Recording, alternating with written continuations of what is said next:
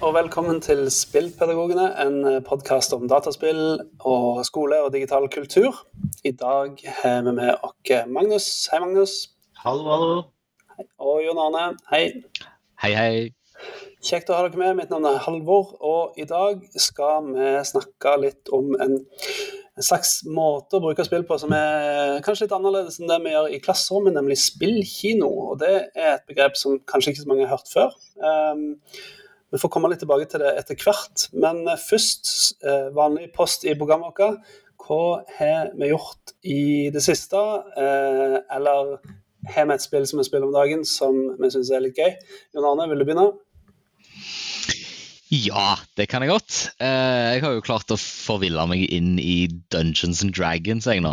Og det er kanskje det, noe av det beste og noe av det dummeste jeg har gjort. Eh, og spilte litt før når jeg studerte, og så var det en kompis som hadde sett Stranger Things da, og var litt sånn åh, jeg har lyst til å spille Dungeons and Dragons.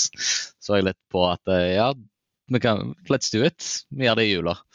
Så jeg starta en, fant standard-campaignen, og så fyrte jeg i gang det i jula, da spilte, skulle egentlig bare spille én kveld, og så liksom når vi var ferdige, da, så var jeg ja, ja, vi spiller i morgen òg. så nå, nå, har, nå, har, jeg begynt litt med det, da. Og det er litt gøy. Men det er ikke, det er ikke som om jeg hadde lite nok tid fra før av, så nå skal jeg sitte og planlegge campaigns og encounters og full pakke. Ja, nå må du jo bruke masse tid på det. Ja. Nei, altså har jeg holdt uh, trenerutviklingskurs nå i Einhager, sånn som har lyst til å bli e-sporttrenere. Hatt uh, gjort det to helger på rad. Og så nettopp hadde jeg spillpedagogikkurs del to. Så jeg var med, lagde et uh, spillpedagogikkurs da, med, sammen med Einhager. Og hadde det for Sola ungdom, ungdomsskole nå nettopp. Uh, Funka veldig fint. De fikk nettopp første del var teori, og så nå andre del så fikk de spille en del. Og så tredje gang da skal de få være med og prøve å lage sine egne undervisningsopplegg. da. Så det tror jeg kan bli veldig spennende å se hvordan det blir. Veldig kult. Hvordan er inngangen til det? Er det bare på en måte Finner man folk som er interesserte, eller er det mer sånn Ja, altså det er, det er et kurs som er retta mot skoler. da. At en skole, spesielt da siden Einherjar er en klubb som opprettes veldig ofte på skoler, så er det sånn at hei, hvis dere får en Einherjar-klubb, så bør dere òg få dette her kurset til lærerne på den skolen. For da er det jo, sånn som Sola ungdomsskole, da blir en, en Einherjar-avdeling nå. og så Da er det jo et håp om at eller, ikke bare de som går der som utøvere, skal få lov til å bruke det på kveldstid, men at de får brukt det på dagtid. Og er det noe vi sikkert kjenner til, så er det at det er mye lettere å bruke noe når du vet noe om det. Så da sender de lærerne på kurs, da. Det hørtes ut som en fornuftig uh, bruk av tid. Uh, Ja. Litt tilbake til det, det, andre du nevnte, det med trenerkursingen som du gjør. Hva innebærer det på et vis? Eh, nei, altså det er jo som å altså, Skal du bli fotballtrener, sant, så kan du jo gå grunnkurs 1 i Jonif. Og du, altså, litt det som er, da. Men det er ikke så mange av de kursene når du kommer til, til å drive med e-sport, da, eller være e-sporttrener. Så vi, vi Einar hadde en sånn Vi hadde et kurs fra DGI, som er egentlig Danmark sitt uh, idrettsforbund. da. Og Der hadde de sånn trenerkurs for e-sporttrener. Uh, ja, så vi tok det, og så fant jeg ut at dette må jo vi òg lage. Og så lagde jeg et kurs på det òg, da. Så da liksom plukket ut det beste jeg uh, fra det kurset der, plukket ut det jeg har lært i ja, under, undervisning og egentlig på mitt eget studie da, som lektor. Hatt liksom litt pedagogikk og litt kommunikasjon og ja, litt sånn snakke om spillkultur og sånt, da. Mm. For det er retta mot den, det, det, det, vi kaller av og til breddeidretten i e-sport, da? Eller? Ja. Ja. ja. da, det er ikke ment, ment for de som skal være blodseriøse og spille på verdensbasis. Dette her er en breddeidrett, liksom. At det blir for uh, ungdom som har lyst til å prøve å spille litt på fritids... Eller i mer organiserte rammer innenfor fritid, fritiden sin.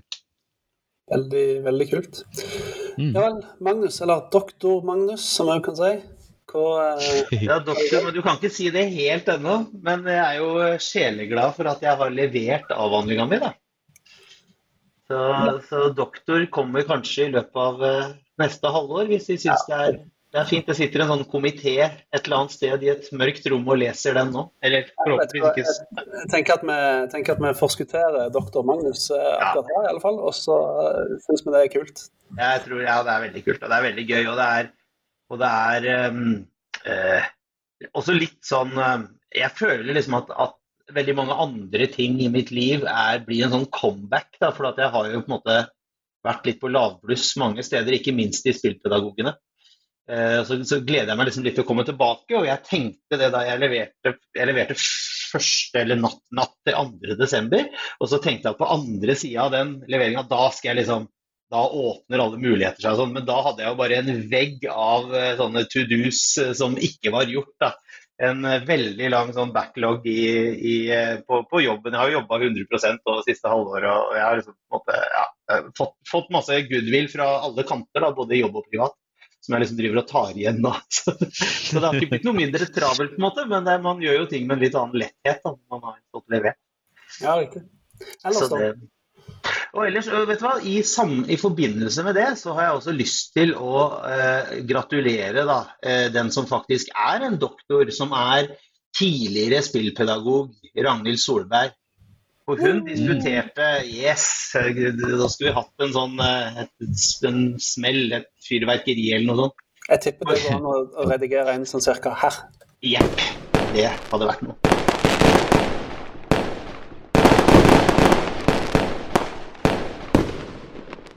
For hun disputerte da midt i januar, for, ja, for ganske nøyaktig to uker siden. Eh, med en veldig spennende avhandling Eh, som, eh, som, handler om eh, maskinsyn i spill. Og det har hun fortalt om på en podkast for ganske lenge siden. Mm. Sikkert i hvert fall et par år siden. Så hvis noen har lyst til å bla tilbake i spillpedagogenes ruller, så kan dere høre noen spennende perspektiver på det, det med når, når, en maskin ser deg i et spill, eller når du ser gjennom altså via en maskin, enten det er en kikkert eller en, eh, eller en slags radar eller en, et overvåkningskamera. Noen ganger så, så, får man det synet. ikke sant? Så det er en liksom litterær oppgave som analyserer de, hvordan vi, det funker. da. Den typen syn er veldig veldig spennende. Ja, det er da doktor Solberg. Det er gøy. Doktor Solberg, ja. Absolutt. Yes, yes, yes. Så ja, nei det... Men Har du spilt noe da, Magnus? Jeg, vet du hva, jeg har spilt lite foreløpig. Jeg har eh, som sagt, jeg må liksom gjøre comeback på mange fronter. og det var to ting sånn på min personlige plan. Det ene var at jeg, måtte, jeg, jeg syns jeg har spilt altfor lite altfor lenge. Og så har jeg lest for lite eh, skjønnlitteratur.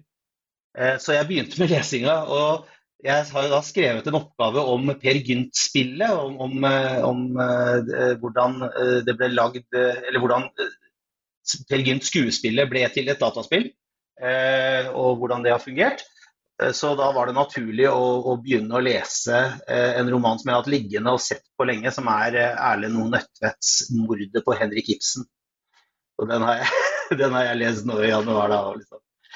Jeg har fått akklimatisert meg. Men den var fabelaktig. Så, men dette er jo ikke en bokpodkast, dette er en spillpodkast. Et spill som jeg har, har, spilt, og som jeg også måte har, har lyst til å jobbe litt mer med sånn framover, det er et spill som heter 'Frusems valg. Eh, som er et norskprodusert eh, spill eh, fra, fra en, en, gjeng med his, primært historikere, eller det er historieformidling de driver med, faghistorikere, i et selskap som heter Tidvis, som finnes i Oslo. Og den nettstedet tidvis.no, der, der, ligger det spillet gratis til nedlasting. Og også en del, i hvert fall et annet spill, og en del sånne, sånne VR-opplevelser og sånn. Flushems valg handler om, eh, handler om en, å være en, en, kvinne som er liksom business som driver, som driver en, en, butikk i Kristiania på 1820-tallet. Og det er så fascinerende. Det er, det er jo en, slags sånn visual novel. Da, det er, det, er uh, mye lesing og, og, sånne tablåer, liksom. Bilder, stillbilder, og, med en valg du har. Og det kan slutte da. Mange slutter. Jeg tror det er nesten 20 forskjellige måter det kan ende på, avhengig av valgene du tar. Så det blir et sånt, et, et sånt narrativ som, som, deler seg. Ja. Um, og det er i alle detaljer veldig historisk korrekt, for de som har lagd det, er da nytidshistorikere. Og det syns jeg er så spennende. Altså, vi, vi, spiller så masse spill som er eh, som er lagd av spillutviklere som liksom har funnet et, emne, et eller annet emne, og så researcher de det sikkert godt og snakker med folk og setter seg inn i det. Men her er inngangen historikere som vil formidle ting på en annen måte. Det er ganske kult, altså. Ja, det er spennende. Det, er, det synes jeg er veldig kult. Og det, og det spillet er virkelig godt, altså. Som, eh, både som historie som eh, altså, Jeg har jo historikerbakgrunn, så både historiefaglig og på en måte som, som en god fortelling. og Det er som en sånn Jane Austen-roman. Eh, men det har også liksom noe, veldig, noe veldig genuint i alle, alle detaljer. Ikke sant? For det var det jeg ville spørre om. Det, er det først og fremst en, en slags et, et tidsbilde, eh, historisk tidsbilde, eller er det på en måte òg en, en standalone bra historie liksom, som, som, du kan spille uten å nødvendigvis være så interessert i historie? Ja, det er begge deler. Eh, mm. Det er begge deler, og, og, det er noen som Jeg har sett en sånn, sånn playthrough som noen andre har gjort, og som kanskje ikke kjente så mye om bakgrunn, som mente at ja, det var litt rare navn. litt rare navnvalg. Der har de brukt navnestatistikk. ikke sant? De vet at folk het dette her. Eh, sånn at, at, eh, at liksom de, de, insisterer på historiske, det historisk genuine, ikke vår forestilling av hvordan dette kan ha vært. Ikke, ikke en sånn romantisert greie, men en, en ordentlig. Og, og, eh, men, men, det er også en veldig god fortelling og gode dilemmaer, da, fordi det også er jo på en måte ekte, det å være kvinne. Altså, denne fru Sem er da en enkefrue som har tatt over sin manns butikk. Og han holdt på å solgte litt ulike sånn, andre ting, tror jeg. Men hun driver da med stoffer. Eh, eh, importerer eksklusive, flotte stoffer fra England og sånn. Men også selger lokale ullstoffer og sånn. Alt dette er veldig ekte og genuint. Eh, og de problemene og utfordringene hun møter, både med fortolling versus smugling, ikke sant?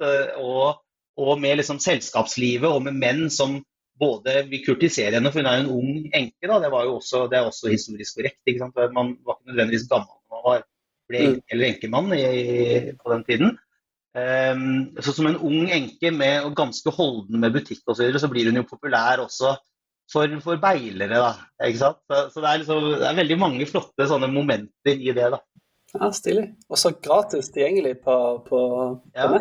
Ja. Sjekk tidvis.no. Jeg lurer faktisk på, jeg, jeg har snakka litt med hun, eh, hun, som eh, leder dette her, og lurer litt på om ikke vi skal få en podkast eh, i løpet av rimelig tid hvor vi eh, inviterer henne og, og snakker litt om det med mm, historieformidling og spill. Altså.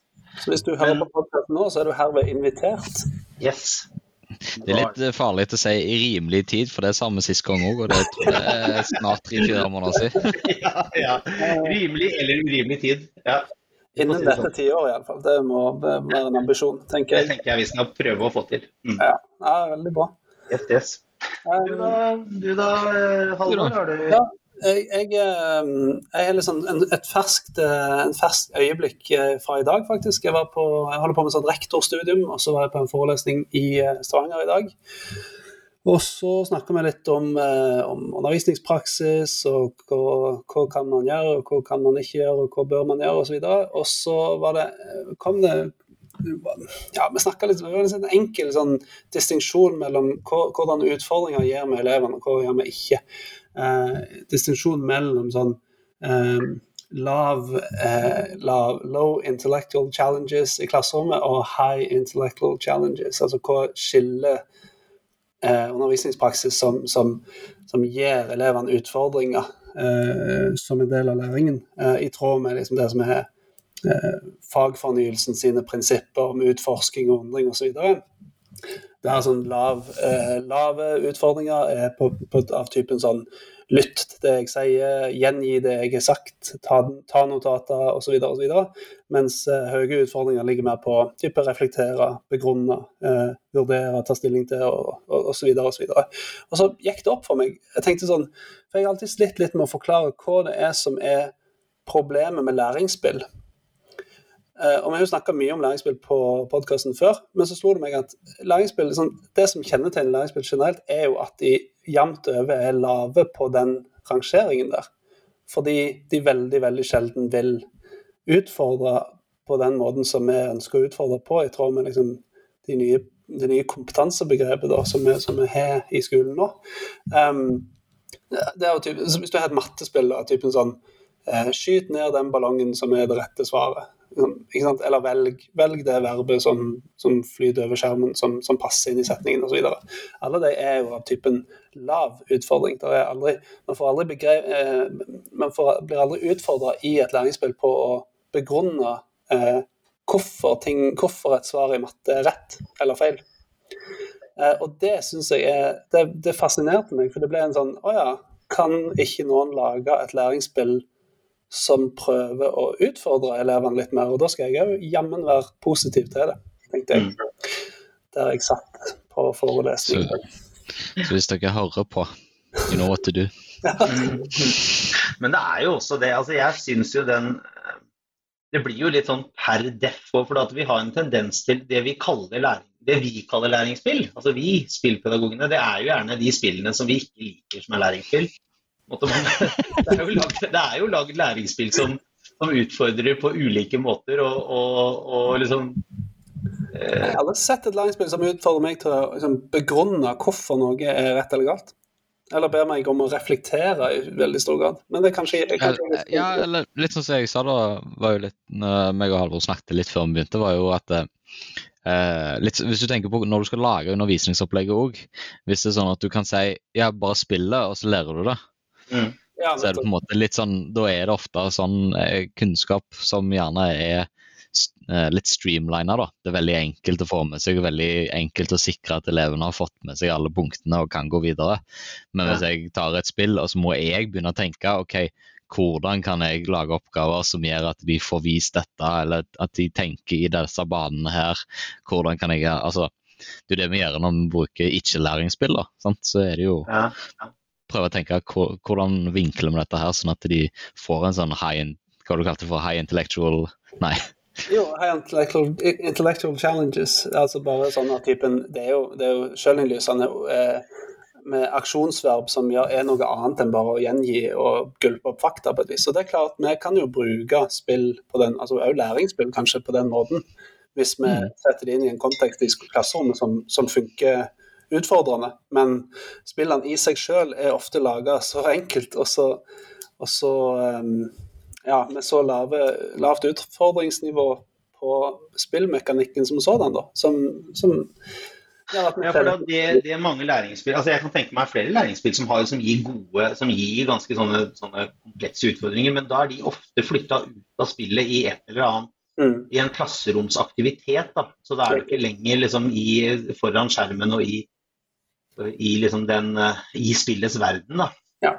Ja. Mm. Så, så, man må flytte det ut for å gjøre den refleksjonen, og det kan man jo kanskje si at, uh, at mange uh, andre spill, altså spill vi opplever som dype, også gjør. Altså hvis, du så, hvis du blir så hekta på, på et spill at du, liksom går, at, at, du begynner å engasjere deg i liksom, Begynner å cosplaye det, eller begynner å liksom skrive på i, i, i forum og sånn. Så da har du også flytta ut av spillet, da.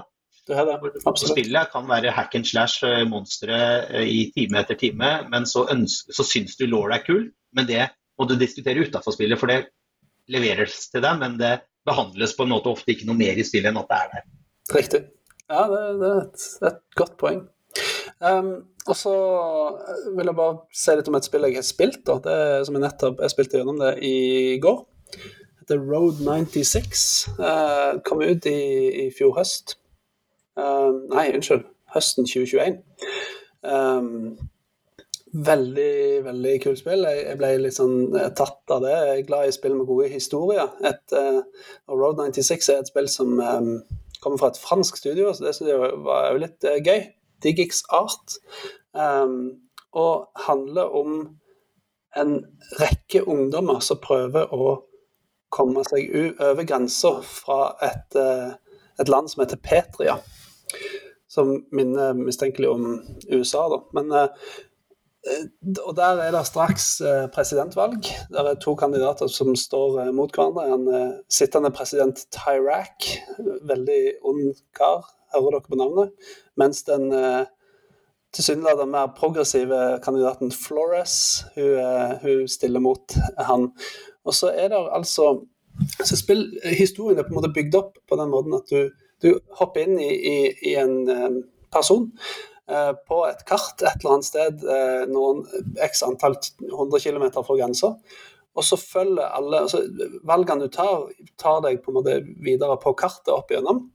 Og så må du sørge for da, å, å, ikke dø, altså spise og, og drikke og sove eh, nok. Den delen er veldig veldig enkel i dette spillet, heldigvis for min del, som ikke er så god på sånt. Men um, historien blir fortalt eh, gjennom alle valgene du tar. Og jeg hørte noe sånn som at det finnes totalt 148 000 valgmuligheter i dette spillet. Det er ekstremt mange ting man kan gjøre.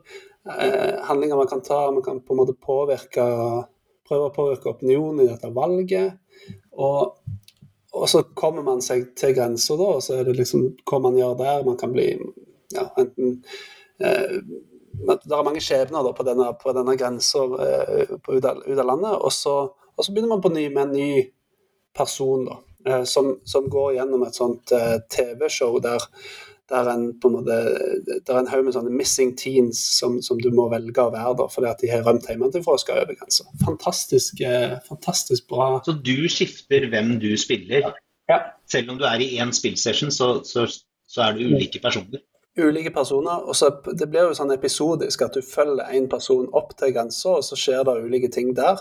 Og så blir du på en måte tatt inn i og tilbake igjen til en ny sånn missing teen som skal beveger seg opp gjennom. Og så treffer du Jeg lurer på om det er sju forskjellige sånne eh, sånn, Ikke NPC-er, men liksom figurer i historien som eh, som, he, som, på en måte utvikler historien for deg mens du, mens du er på veien. Eh, er liksom folk som alle møter, da, eller? Ja, det møter ikke alle, alle gangene, men du, du, ser en sånn progress bar på dem, så du treffer på en måte du treffer de hvis du på en måte beveger deg bort i banen til den som den forrige personen du var, f.eks., så kan du på en måte treffe på dem. Eh, mm. nå spilte jeg gjennom det én gang, men jeg ser jo at på en måte, der er jo tusenvis av veier som jeg ikke har tatt, og sånne uh, missing teens som jeg ikke har spilt. Uh, det er så utrolig mange uh, ting å gjøre. Det, jeg ble helt fascinert. Og vanligvis så syns jeg jeg, jeg, er veldig glad i sånne walking sims som er relativt lineære og egentlig på en måte har valg bare nesten for syns skyld, men her var valgene så utrolig kult lagd. fordi at du får en progresjon hele veien. Og jeg ble, ble ja, syns det var skikkelig, skikkelig Men Er det noe sånn at dette blir generert, da, eller har de, har de liksom programmert og lagd alle disse fortellingene? Nei, det, det, det, jeg lurer på om det sto noe om at det, at det genereres uh, Den historien eller den ruta du tar, den, den, blir generert mens du holder på, ut ifra de valgene du tar. Så det uh, Ja, det er skikkelig stilig, rett og slett. Ja, Det er kult. ja. Det, det, for det jeg spørre om, var jo, var jo om om du hadde spilt det flere ganger, siden du sa liksom å, dette kan spilles så mange ganger, så når du sa du hadde spilt gjennom det, så er jeg sånn Vil du spille det en gang til? Mm. Ser du for deg at du spiller det tre-fire ganger, liksom? Jo, fordi det, det, som du gjør gjennom spillet, er jo å få sånne skills. Så nå, hvis jeg spiller gjennom neste gang, så kan jeg eh, f.eks. Eh, bryte meg inn i biler. Det kan man ikke. Ja. man sånn. Det betyr at uh, egentlig så blir spillopplevelsen bare Den blir fornya, tenker jeg, eh, neste gang vi spiller gjennom det. Så, så nå har du sånn New Game Plus, egentlig? Ja. Selv om dette er ikke Hvis du spiller på nytt, så spiller du det på nytt, men da har du fått Altså dine teens får en ny skill fordi at du har spilt det på nytt? Jeg, nei, jeg tror, at du, jeg tror at du blir værende igjen med de skillsene du har eh, opparbeidet deg forrige spillsesjon. Ja. Hmm. Fordi at det, er, det, det utvider på en måte opplevelsen fra børjan av, der du egentlig ikke kan ting, og så på en måte kan du det neste gang. Og, ja, det var, det var, var magisk. Det høres fancy Anbefales veldig. Litt, eh, litt, langt for klasserommet, tenker jeg. Tar en sju-åtte timer å spille gjennom, eh, minimum, og, og gjerne mer òg. Men du liker en utfordring, gjør du ikke det? Jo, absolutt. Og, og som en sånt, eh, det er klart, som I klasserommet så Eh, litt sånn på lenger, Hvis man har et lengre prosjekt, så er det ingenting i veien for å bruke det. Det, det er veldig, veldig fint. En utrolig fin måte å fortelle en historie på.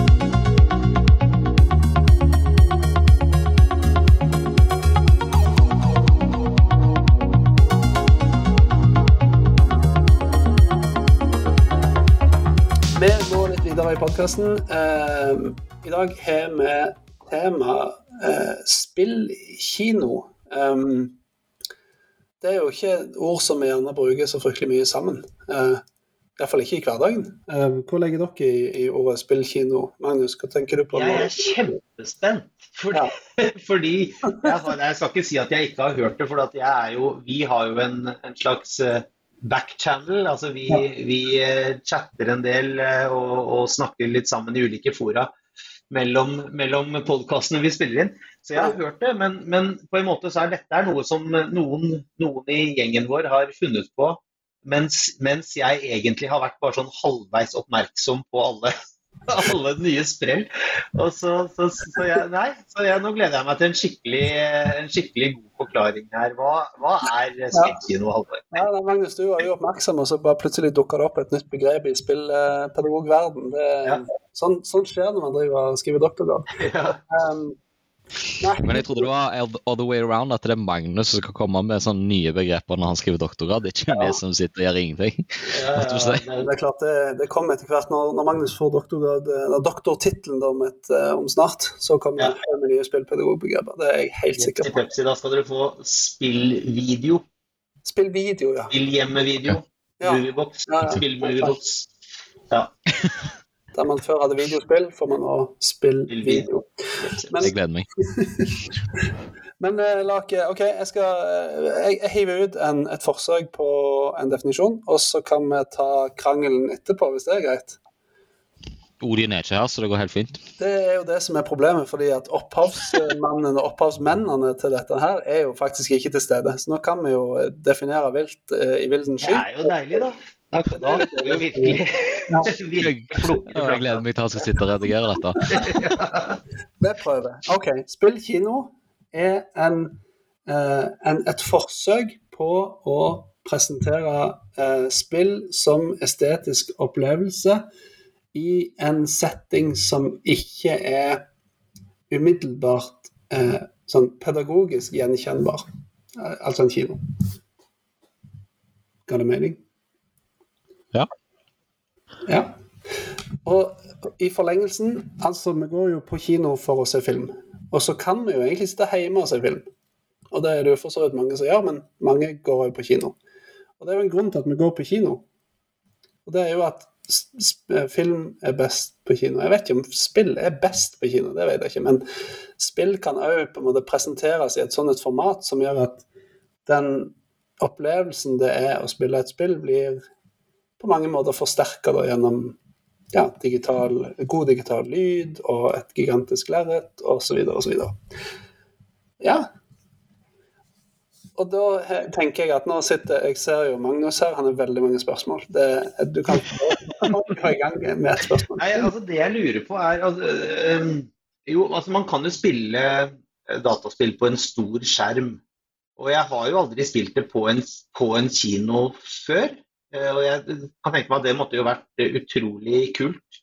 Men som liksom konsept Altså, jeg har jo jeg har jo mange ganger blåst opp eh, spill på, på, en projektor i et klasserom.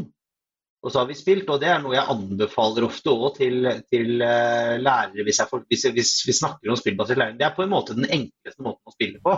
Hvis mm. du, hvis du bare, bare, du har spillet sjøl på din mm. egen maskin, så kan du bare koble den på en projektor, og så kan du så kan man spille eh, utvalgte deler av spillet som du mener har en eller annen, eh, en eller annen eh, verdi i, i, det du skal undervise. Så ja, det du beskriver da, det er helklassespilling?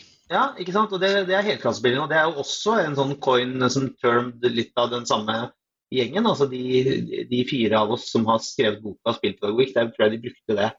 Helklassespilling. Og, og, vi har vel også liksom gjort det lenge før det, da. Hva, hvorfor er ikke det hva, hva, er forskjellen på det og spillkino? Ja, jeg tenker jo at det handler om eh, at eh, her er ikke eh, målet umiddelbart noe som er, handler om skole eller pedagogikk på et vis. Altså det, det, er jo, det var et forsøk på kulturformidling, egentlig. Og et, egentlig et sånn ledd i å posisjonere spill som et kulturuttrykk, tenker jeg i alle fall. Eller òg eh, en måte å eh, kunne skape et nytt konsept som man kan dra ut og ta penger for fordi at man holder kurs i spillkino. Jeg vet ikke. Kanskje ikke så fullt så kynisk. I'm on. Ja. Det er ikke egentlig noe lærere trenger å, trenger å det, Dette er ikke spesielt retta mot, mot lærere og klasserom og, og den uh, konteksten der, men det er på en måte noe man kan gjøre på kino.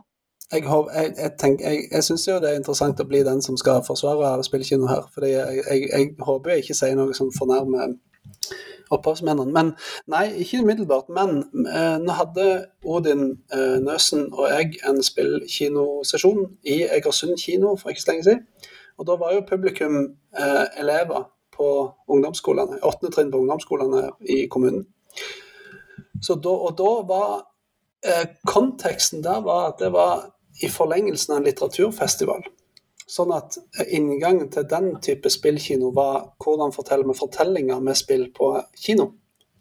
Og, og, og det er jo selvfølgelig element av skole i seg da når vi inviterer skoleklasser, det er i skoletida og det handler om fortellinger. Men allikevel, det er jo en eh, Ideen var jo der å, å, å formidle noe, ikke umiddelbart si at nå blir det nå skal dere hjem og ha en vurderingssituasjon etterpå om dette her. Um, så på et vis Jeg tenker det, det handler mest om uh, hvordan gjør vi gode opplevelser til de som er til stede, uten at vi krever så mye annet enn det. Er det mening, uh, Jon Arne? Ja, jeg, jeg syns det. Jeg er helt med på tanken. For jeg, jeg mener jo Altså, jeg er ikke jeg en veldig religiøs person, men det er ganske mange ganger jeg har sittet og spilt og følt at jeg har opplevd noe religiøst, for å si det sånn. Og det er gjerne i de settingene hvor fortellingen er helt perfekt, lyden er helt perfekt, og bildet er helt perfekt. Mm. Og jeg må jo innrømme at eh, jeg vil jo tro at en del av de spillene jeg spilte i min oppvekst, er ufattelig mye bedre hvis jeg hadde sittet i en kinosal og fått det på eh, Imax-kvalitet, liksom. Det, det, det tror jeg ikke det er noen stor tvil om. Men det er jo, altså for min egen del så merker jeg jo Jeg er jo gira på å ringe ned til Odeon kino her i Stavanger og bare Hei, kan jeg booke en kinosal fordi jeg har lyst til å spille med elevene mine? Ja. Bare fordi det, det er så mange som de, de trenger litt den her opplevelsen. da, og det er Mye som jeg gjerne sier til andre lærere òg, som er litt den Ja, men de spiller nok når de er hjemme, og de gjør ditten og de gjør datten. Men så spør jo elevene hva er det du spiller når du er hjemme. Jo, de spiller Fortnite, de spiller Fifa. De spiller disse her standardtropene da, veldig ofte. da. Jeg skal ikke dra alle under én kam, men det er ofte en veldig selekt gruppe spill som går igjen. da. Og jeg tenker jo en del av denne her kulturopplevelsen, det er jo Når vi tenker kulturelle skolesekken og alt dette her, så er det jo gjerne skolens oppgave å dra inn kultur som de ellers kanskje ikke blir utsatt for. Ja, det er Og spillkino vil jo være en forlengelse av dette her. da, At eh, ok, mm, nå skal du få en opplevelse som du ellers ikke har muligheten til. Samtidig som det gjerne er rett og slett å sitte og spille på en kino, få det blæsta i trynet og i ørene. Men òg gjerne få spill som gjerne har en kvalitet med seg, da, som er så, så fantastisk at den bør bli nytes på kino, for å si det sånn. Ok, men Jon Arne, du har, du har to timer eh, å, å disponere på Odeon kino. Noen spill tar du med deg da til en spillkino? Jeg må få si før det, så du får litt tenkepause. Ja. Jeg må jo si at jeg er jo helt enig i det. Og jeg er jo som norsklærer, og jeg, jeg, er jo, jeg er jo absolutt Jeg mener jo absolutt ikke at, at man bare skal lese ting for å plukke det fra hverandre, og at, man, at alt skal ha en hensikt. Særlig ikke Nei. når man tar inn estetiske uttrykk, uansett hva det er. Eh, Så skal man jo liksom la kunst være kunst. Man skal nyte det sammen med elever, og man skal gi dem anledning til å se og gjøre, oppleve ting de ikke har eh, kommer til å oppleve. Og, det, og, og virkelig, hvis det er noe vi liksom eh, ikke kan få banka inn mange nok ganger i, i syns jeg, eller som er veldig sånn viktig for meg gjennom spillpedagogene, så er det jo at, eh, at de, selv om eh, ungdom spiller dataspill, så er det ikke dermed sagt at de ikke har noe, har liksom opplevelser de ikke kommer til å møte på. Ikke sant? Det er ting du ikke møter i Fifa og Fortnite eh, som, som spill kan gi. Så, så jeg er helt enig i det. Og, og jeg, eh, ja, for all del, altså. Å spille bare for å spille, det er jo egentlig drømmetingen å kunne gjøre det. Eh, Ja. Yes. Så da gikk jeg tilbake på alt, alle mine kritiske holdninger fra, fra før av. Jo, men det, det, er jo lov, det er lov at noen av oss er kritiske, da. Det, Ja. Vi har jo en veldig lang tradisjon i spillpedagogene med å være altfor enige, så det går helt fint å være litt kritisk, eh, tenker jeg. Men eh, du har fått lang nok tenkepause, tenker jeg nå, Jan. Hva ville du tatt med på kinoen? Ja, det, det er jo veldig avhengig, da. Men si, litt av det jeg savner hos de som jeg snakker med i dag, da, altså de ungdommene som jeg har under meg, er jo gjerne at de, de spiller veldig lite story-oriented spill. da. Eller lineære spill, for å si det sånn, hvor det er en fortelling som utfolder seg. Eh, de er gjerne veldig, veldig interessert i liksom multiplayer-opplevelser, og veldig interessert i å få liksom et eller annet som går veldig fort. da. At det hele tida er action eller et eller annet som fenger de. Uh, jeg tenkte jo med en gang at noe av det første jeg ville sett på storskjerm, er jo Resident Evil. Men jeg skal ikke være så stygg og kaste For de som ikke vet hva Resident Evil er, da, så er det et uh, zombiespill, eller en serie med spill som handler om zombier. Så en, en av de første marerittene jeg hadde på som jeg kan huske, er fra Resident Evil. Da, for da var jeg ca. fire år gammel og hadde sett på brødrene mine spille, Resident Evil på PlayStation 1. Og det var liksom zombier som knuste vinduer, kom gående mot deg, og så var det det der uh, quirky cameras og alt sånt. Så, der. Så ja, jeg trenger ikke nødvendigvis ta det, men jeg ser for meg sånn spill hvor jeg sitter og får frysninger fordi musikken er så perfekt, og det som utfolder seg på skjermen, enten er av en episk kvalitet eller bare er noe som virkelig rører inni meg. da. Og da er det typisk eh, Jeg kan huske jeg, første gang jeg spilte Bioshock. Så var liksom åpningsscenen der, når jeg, du er på vei ned gjennom heisen og det altså For de som ikke vet hva Bioshock er, da, så du, du, krasjer et fly, og så er du midt ute i sjøen, og så mm, er det et stort tårn der, og så tar du eh, tar du rett og slett en heis ned til under vannet, og så ender du opp med å finne en hel verden, da, eller en hel by som er Rapture City, som er bygd under vannet. og skal liksom, Her skulle det være en haven da, for alle typer rike og folk som kunne bidra med diverse. Altså, alt innenfor kunst og kultur og ja, det smarteste folkene, da. Og så har egentlig alt gått eh, helt feil. Og så er det eh, litt sånn nightmare fuel, hele greiene. Men det er et spill som jeg ikke har klart å spille mer enn ti minutter av. Fordi jeg blir så redd. Det er så, det er så perfekt på alle mulige måter at eh, jeg, jeg takler ikke mer. eller om det er God of War. Det, den nyeste versjonen av det, eller de nyeste versjonene av det, det har vært noen scener der hvor musikken bare virkelig Jeg kjenner bassen, liksom. Bare boom. Det, det, det er liksom noen sånne hvor, hvor jeg nesten sitter og bare Nei, vær, vær så snill, vær så snill. Da, da tenker jeg, da har du et spill da, som du virkelig har lyst til å vise. Uh, nå er jo The Last of Us nettopp kommet ut som serie, og jeg har sett det med damer. Meg og hun har spilt det i lag da, på PlayStation og har hatt en sånn si, helklassespilling. Jeg har spilt, hun har sittet på og sagt at jeg gjør feil.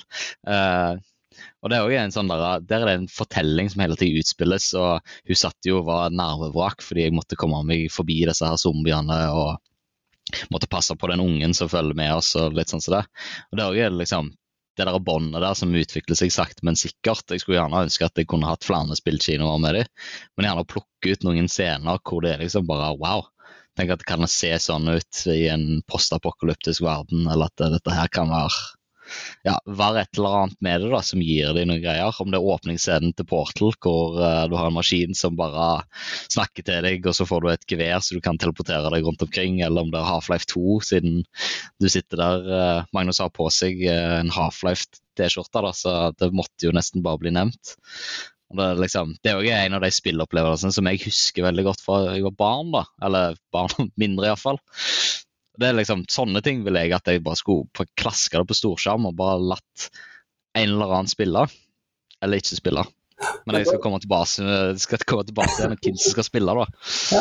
Men jeg ville gitt de spill som jeg tenker liksom, som jeg har bare tenkt at dette må oppleves. Og da vet jeg òg at uh, Odin uh, hadde en sånn fin sånn, en sånn jukselapp for hvordan kan du lage spill, spillopplegg. Og jeg husker liksom helt nederst så står det liksom at det, her er det spill som jeg bare syns at folk skal få oppleve. Fordi jeg tror det er en verdi her en eller annen plass, men jeg har ikke lagd et opplegg til det ennå. Og det skal jeg leste Half-Life uh, Alex, da. Og da tenker jeg bare wow, ja det er et kult spill. Det er VR-spill da, hvor jeg brukte det første halvtimen i første rommet på å plukke opp ting og kaste ting rundt. Mm. Men om det, det, er best for spill spillkino, det kan jeg ikke si, da. Men jeg tenker uansett, når du spiller et spill, og det er et eller annet som bare virkelig får deg til dette bakover i sofaen, da har du truffet hammeren på spikeren. Ja, det er sånn som skal være på spillkino. Men nå har du jo nevnt uh, mye typ sånn trippel A-titler. Mm. Det, det, er klart, det er jo veldig Det er jo det er på en måte blockbusteren i, i spillkinoverden, tenker jeg. Det, det, de...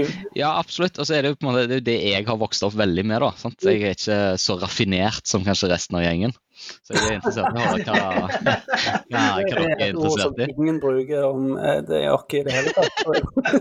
oh, Danny boy, the pipes, the pipes are calling From glen to glen and down the mountainside The summer's gone and all the roses falling. It's you, it's you must go, and I must bide. Ja, nei, kanskje vi, kanskje vi er raffinerte, kanskje vi ikke er uh, raffinerte. Det vet jeg ikke. Men jeg kan jo si litt om hva, hva spill vi brukte når vi hadde spillkino, meg og Odin. Ja. Uh, ja. For de var, ikke, de var liksom ikke trippel A. Eller det vil si, vi viste God of War-introen, um, det nye. Uh, mm. Så, men så brukte vi på en måte spill som handler om fortelling.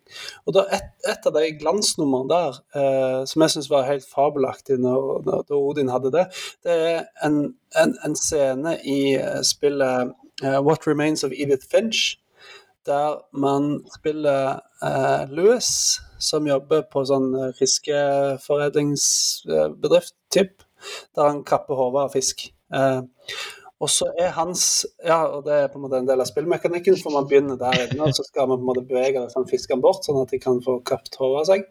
Og så er hans eh, hans eh, forestillingsevne sånn at han lever seg inn i en helt annen verden mens han står der og kapper fisk.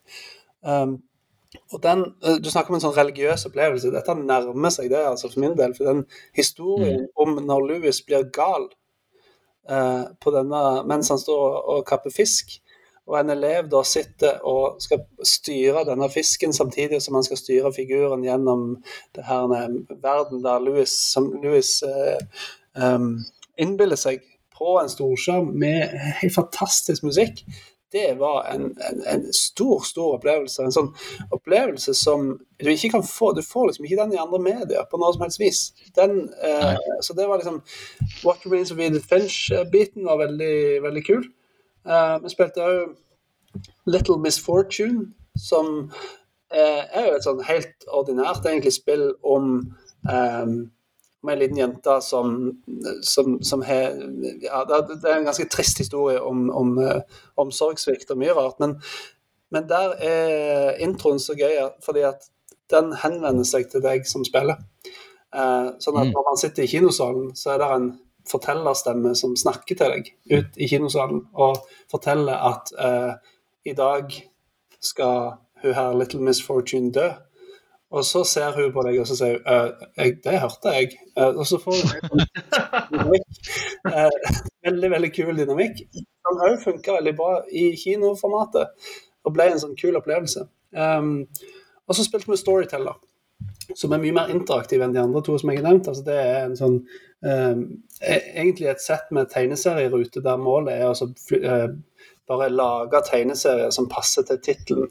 Uh, og som for ungdomsskoleelevene funka kjempebra, for det var, det var kaos i den kinosalen der. Alle ropte 'kom og gjør' osv. Og, og det syns jeg var uh, så gøy, fordi da fikk man en interaktivitet på den storskjermen som man selvfølgelig kunne fått Eh, og for så vidt òg får i klasserommet som driver helklassespilling. Men jeg syns det var noe som altså det var noe som, som, som, var ekstra på et vis i kinoen. Jeg, eh, jeg klarer ikke helt sette ord på det. Det kan sikkert andre gjøre. Men det ble, det ble, veldig, det ble veldig, bra. Uh, Magnus, er du, mm. du overbevist? ja, jeg, jeg, jeg er overbevist, men jeg ble veldig nysgjerrig da. Altså når, eh, når vi snakker om sånne trippel A-spill, sånn, det, det, er- det er veldig lett å være enig i at, at det å blåse det opp høres helt vanvittig kult ut. Og særlig hvis du har kontrolleren i hånda og faktisk bestemmer hva som skjer på det lerretet, store Ja. kinolerretet og, og sånt. Men, men, eh, men, er det, men hva er hva er poenget Altså, Hva er det på en måte som er viktigst? Er, er det det, eller er det, er det noe annet? For at Selv om ikke det skal være helklassespilling, så, så må det jo være Man kan ikke spille eh, Storyteller uten at det er en eller annen grad av interaktivitet med at det er noen altså Det må være et poeng at, at man bytter på å gjøre det litt og sånn. At de Mm. som sitter i salen bytter på litt og gjør det og sånn. Ja. Ja, det var et poeng jeg òg ville ta opp. Mm. Så Storyteller er kanskje ikke sånn egentlig et, et spill som er på en måte typisk spillkinospill, fordi at det krever Altså poenget med det er interaktivitet, ja. Så, så, men det, det er klart, dette er jo et work in progress. Det er ikke, det er ikke, det er ikke et spill som har eh, som, som trenger kinoformatet for å funke. Det, um, Men Jeg skulle nesten tro at det trenger at alle, at den som spiller, spiller, liksom. Men, men det er kanskje gøy nok, interessant nok å se det øh, utfolde seg likevel. Ja, det var veldig gøy å springe rundt i kinosalen med, med, med mus og, og, og musematter, liksom. Og bare prøve å få Ja. engasjert Ja, ja. Det, var, det var så lett at Men um, ja. Men det jeg tenkte litt på, var sånne, hva med litt sånne eh, Litt mer sånn metaspill. Jeg, jeg øh, satt, satt nå og tenkte hvilke spill ville jeg ha satt opp, og så kom jeg på et spill som jeg digga veldig. Men jeg har bare spilt det én gang, og det er ganske lenge siden. Det heter The Beginner's Guide. Og er et spill som handler om hodet på, altså hva som skjer i hodet på en spillutvikler. Og uten å spoile det for mye, så, så, er, det, så, så er det hele tiden eh, forandringer. Det er, det er hele tiden nye spillmekanikker. Mm. Så det blir jo spillet blir jo på en måte ikke kjedelig, for du spiller på en måte en lang rekke demoer av spill, eller korte, korte, korte sekvenser av spill som er helt ulike hverandre, og som, som, som har ulik mekanikk og ulike oppdrag. Ja, det, fun- det vil jo ha absolutt ha funka. Det er god gamle Davy Raiden, det som har Ja, ja. Stanley Parable. Um, ja, ja. det er klart, det Det vil jo være på en måte spill, indie-spillkinoen. Ja, og det ville jo ikke vart eh, Så vidt jeg husker, med, med fare for at jeg skulle feil, så tror jeg ikke det var mer enn kanskje et par timer å spille gjennom. Så det ville vært som en film. Man kunne sett det som en langfilm i Ja. spillkino. Ja. Eh, Fordi at det varierer så mye hva det handler om. Og, Ja, det og det kan egentlig oppleves Jeg tror eh, Den som holder kontrollen, har jo en, en ekstra moment, men ikke så veldig mye. Jeg tror nesten det kunne, en sånn playthrough der kunne funke som en, en litt sånn metafilm. da, Som Mm. forteller en historie på to plan. Ja, den, den filmen hadde jeg godt og sett, altså, men det ble jo for eh, veldig spesielt interesserte. Og for en slutt, ikke minst.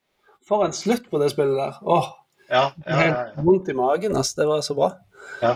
Helt... Jeg skal ikke spoile det. Nei, jeg tror ikke vi skal gjøre det. Kan, jeg- kan jeg spørre litt mer sånn, fordi En av de tingene som plager meg, er når, når jeg går rundt og ser på elever, når jeg, hvis jeg lar damer spille hvis jeg, eh, Med en gang det er en eller annen som ikke er vant til å spille, skal spille, så blir det ikke nødvendigvis så cinematisk. Så hvis jeg hadde gitt kontrollen til en elev og sagt her nå skal du spille Kratos i God of War, og så går han og kikker i bakken i fem minutter, liksom, så er ikke det like gøy. Eller setter de inn i en verden, så går de De skjønner ikke Altså, de har ikke lært seg eh, For å bruke fagterminologi. De, de kan ikke gaming literacy. De, liksom, de forstår ikke grammatikken og semiotikken av spillet. Så de liksom bare ligger og tuller rundt omkring. Ja. Eller så er det en eller annen som skal være morsom, og faktisk bare gjør akkurat det. Han bare går rundt og tuller. Sånn, er kan du altså virkelig gi altså, Hvem skal spille? Skal du spille, eller skal jeg spille som liksom leder greiene? Eller skal vi finne a select few, liksom? Ja, altså det er jo, det er jo uh, spillkino uh, Hva heter det, da? Den som driver spillkinoen sitt privilegium, tenker jeg, og, og eh, finne ut hvem er det som passer til dette. Um, det vi gjorde, var å gi kontrollen til elevene, én og én. Ja. Men klart, Da valgte jo vi spill som gjerne er litt sånn eh, rett fram. Det skal ikke så veldig mye til for å mestre de. Eh, Nei. noen av de, egentlig. Og sånn sett så Ja, jeg, jeg ser poenget ditt, for at du, eh, du ønsker jo en opplevelse, og den opplevelsen blir jo litt umiddelbart litt sånn ødelagt hvis Han blir veldig ødelagt i, i mine øyne. Med en gang en idiot skal spille, og de ikke får det til, så sitter jeg bare og rister. Bare, kom an, kom an. Men en annen, en annen, type spill da, som jeg også tenkte på nå når vi snakka om dette, er at, at um, Altså, jeg tenkte på Baba is you. Uh, det, er, mm. spilt, det er, et spill hvor man er, man, man er en liten hvit hund, og skal, uh, hunden skal, skal, uh, skal, komme til mål. og og det som, er, eh, altså det som gjør spillet interessant, er at du kan både bevege hunden rundt, eh, du kan også bevege andre elementer som blir kommandoer. Altså du kan gjøre om på hvordan alt, alle elementer i, eh, i skjermbildet hva, hva, de gjør, hva de kan. F.eks. at en, en, vegg ikke kan gås igjennom. Hvis du klarer å fjerne den kommandoen som sier 'wall is stop', så kan du gå igjennom. Hvis du klarer å dytte bort 'stopp', Sånn at det bare står 'wall is' og så ingenting bak. Da kan man gå gjennom vegger. Ikke sant? Mm, ja, det er blokkprogrammering. Ja, det er, på, det er, på, en måte blokkprogrammering, men så er det et puzzle. Men det som er interessant i denne sammenheng, og det er et kjempefint spill, da, mors, veldig morsomt uh, spill som, som uh, ja. Men, men, det som er interessant i denne sammenhengen, er også at det er et spill hvor alle kort ligger åpne på bordet. Alle som ser på den skjermen, de kan, uh, de, de de kan foreslå løsninger. For det mm. er, ganske, det er ganske intrikat å klare å vinne det spillet. Eh, mm. Altså å, spille, å vinne hver, hvert enkelt sånt tablå, kan du si. da. Eh, men det er som sjakk. Eh, ingen brikker er skjult. Ingen, det finnes ingen hemmeligheter knytta til hva noen kan gjøre. Eh, det er bare muligheter i det du ser. Så Det kunne jo vært en sånn fin spillkino hvor alle kan se dette. Den som har en løsning, kan rekke opp hånda, få kontrolleren og prøve den løsningen. Ja. Mm. Ja, kult. Jeg, jeg, lurer jo litt på det. For litt av poenget med spill er jo interaktiviteten. Sant? Det det som gjør at spillopplevelsene, iallfall i mitt syn, er kanskje en av de beste opplevelsene jeg har. Det er kult å se en film, og det er virkelig gøy, men jeg er ikke Batman. Altså, men hvis du gir meg eh, et Batman-spill, og jeg går der og liksom endelig har klart å slåss meg gjennom en horde med lynchmenn, så er det liksom åh, oh, yes! Det er så satisfying. Altså, Jeg tok meg selv i å gjøre det samme når jeg spilte God of War. så er det liksom, der er Hver enkelte sånn enkel uh, skal vi si, En enkel fiende er kanskje vanskelig i God of War. Jeg syns iallfall det, for jeg spiller på det vanskeligste. Men nå er det sånn hver eneste steg jeg kommer videre på det mappet, så er det litt sånn åh, oh, yes, OK, jeg klarte det. Neste. OK, yes, jeg klarte det. Neste. Men de som sitter og ser på, vil jo ikke ha den samme følelsen, for de ser jo bare en som går rundt og kick ass and chew bubblegum. Det, er jo en hel, altså, det, det er jo en hel YouTube-sjanger, holdt på å si, å se ja. folk som spiller spill. Jeg tenker eh, jeg, og jeg er heller egentlig ikke vant med det, men jeg ser jo at det er klart det er jo uh, unge mennesker vant med, er det ikke det? da? Jo. jo. Det er jo mange, mange som ser på eller, ja, det er veldig... ja. ja altså, det er det jeg mener òg, at det, på en måte på en måte så treffer vi jo publikum med det de kanskje er vant til. Eller så åpner vi opp denne her verden her til et nytt publikum. Dette her, På Twitch og YouTube og alt sånt, så det, det har jo Let's Play og alle disse har videoene her. Men jeg føler, jeg føler jo at noe av det som er gøy med å drive med spill i klasserommet, eller spill inn hos elevene, er gjerne å gi muligheten til å spille til de som normalt sett ikke spiller. Ja. Men samtidig, så hvis du sammen Dette er bare det som jeg har sittet og fundert over mens dere har snakket nå. Jeg ser for meg at det er litt det samme som å invitere et lite orkester da, til å komme på skolen og så spille. Og så forvente at ja, men OK, Frode og Klara, nå skal dere opp der, og så tar du tubaen, og så tar du mm. klarinettet. Og så er det litt sånn øh. Men det er noe av det viktigste. Det er en veldig viktig ting ved å, å spille i skolen, er jo nettopp at de elevene som ikke spiller hjemme, skal få liksom prøve seg, skal få innpass.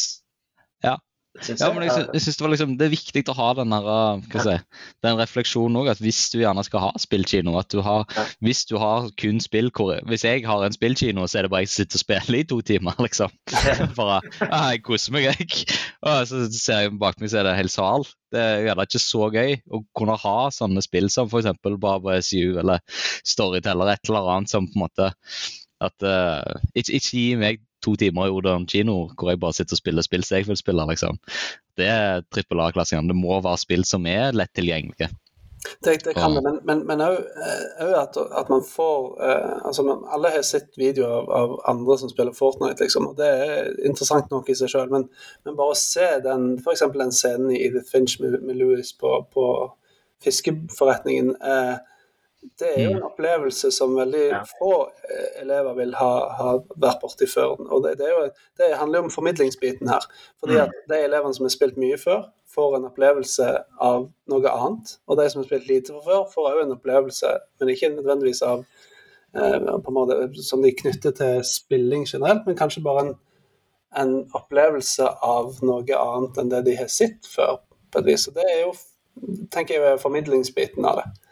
Um, jeg kom på noe sånt da jeg da, eh, da, da, da GTA 5 kom, gamlisen meg, var, da var jo jeg lærer, og, og i eh, samfunnsfagtime. Og da, da, lagde jeg et større opplegg om det, fordi jeg var samfunnsfaglærer. For elever som eh, Alle hadde jo spilt, ikke sant? Det hadde vært ute en uke, ikke sant? Alle hadde jo spilt det.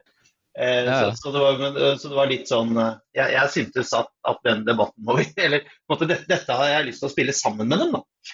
Eh, men det vi gjorde da, vi spilte litt, vi hadde en session hvor vi spilte litt. Vi spilte den første scenen hvor de, hvor de skyter seg ut. Altså GTA er jo en serie med ganske brutale gangsterspill som gjerne meldes inn til Barneombudet og sånn hver gang det nytt spill. Så, så, det er egentlig kanskje ikke noe for skolen, men, men det er absolutt noe å ta opp i samfunnsfag i, i videregående skole.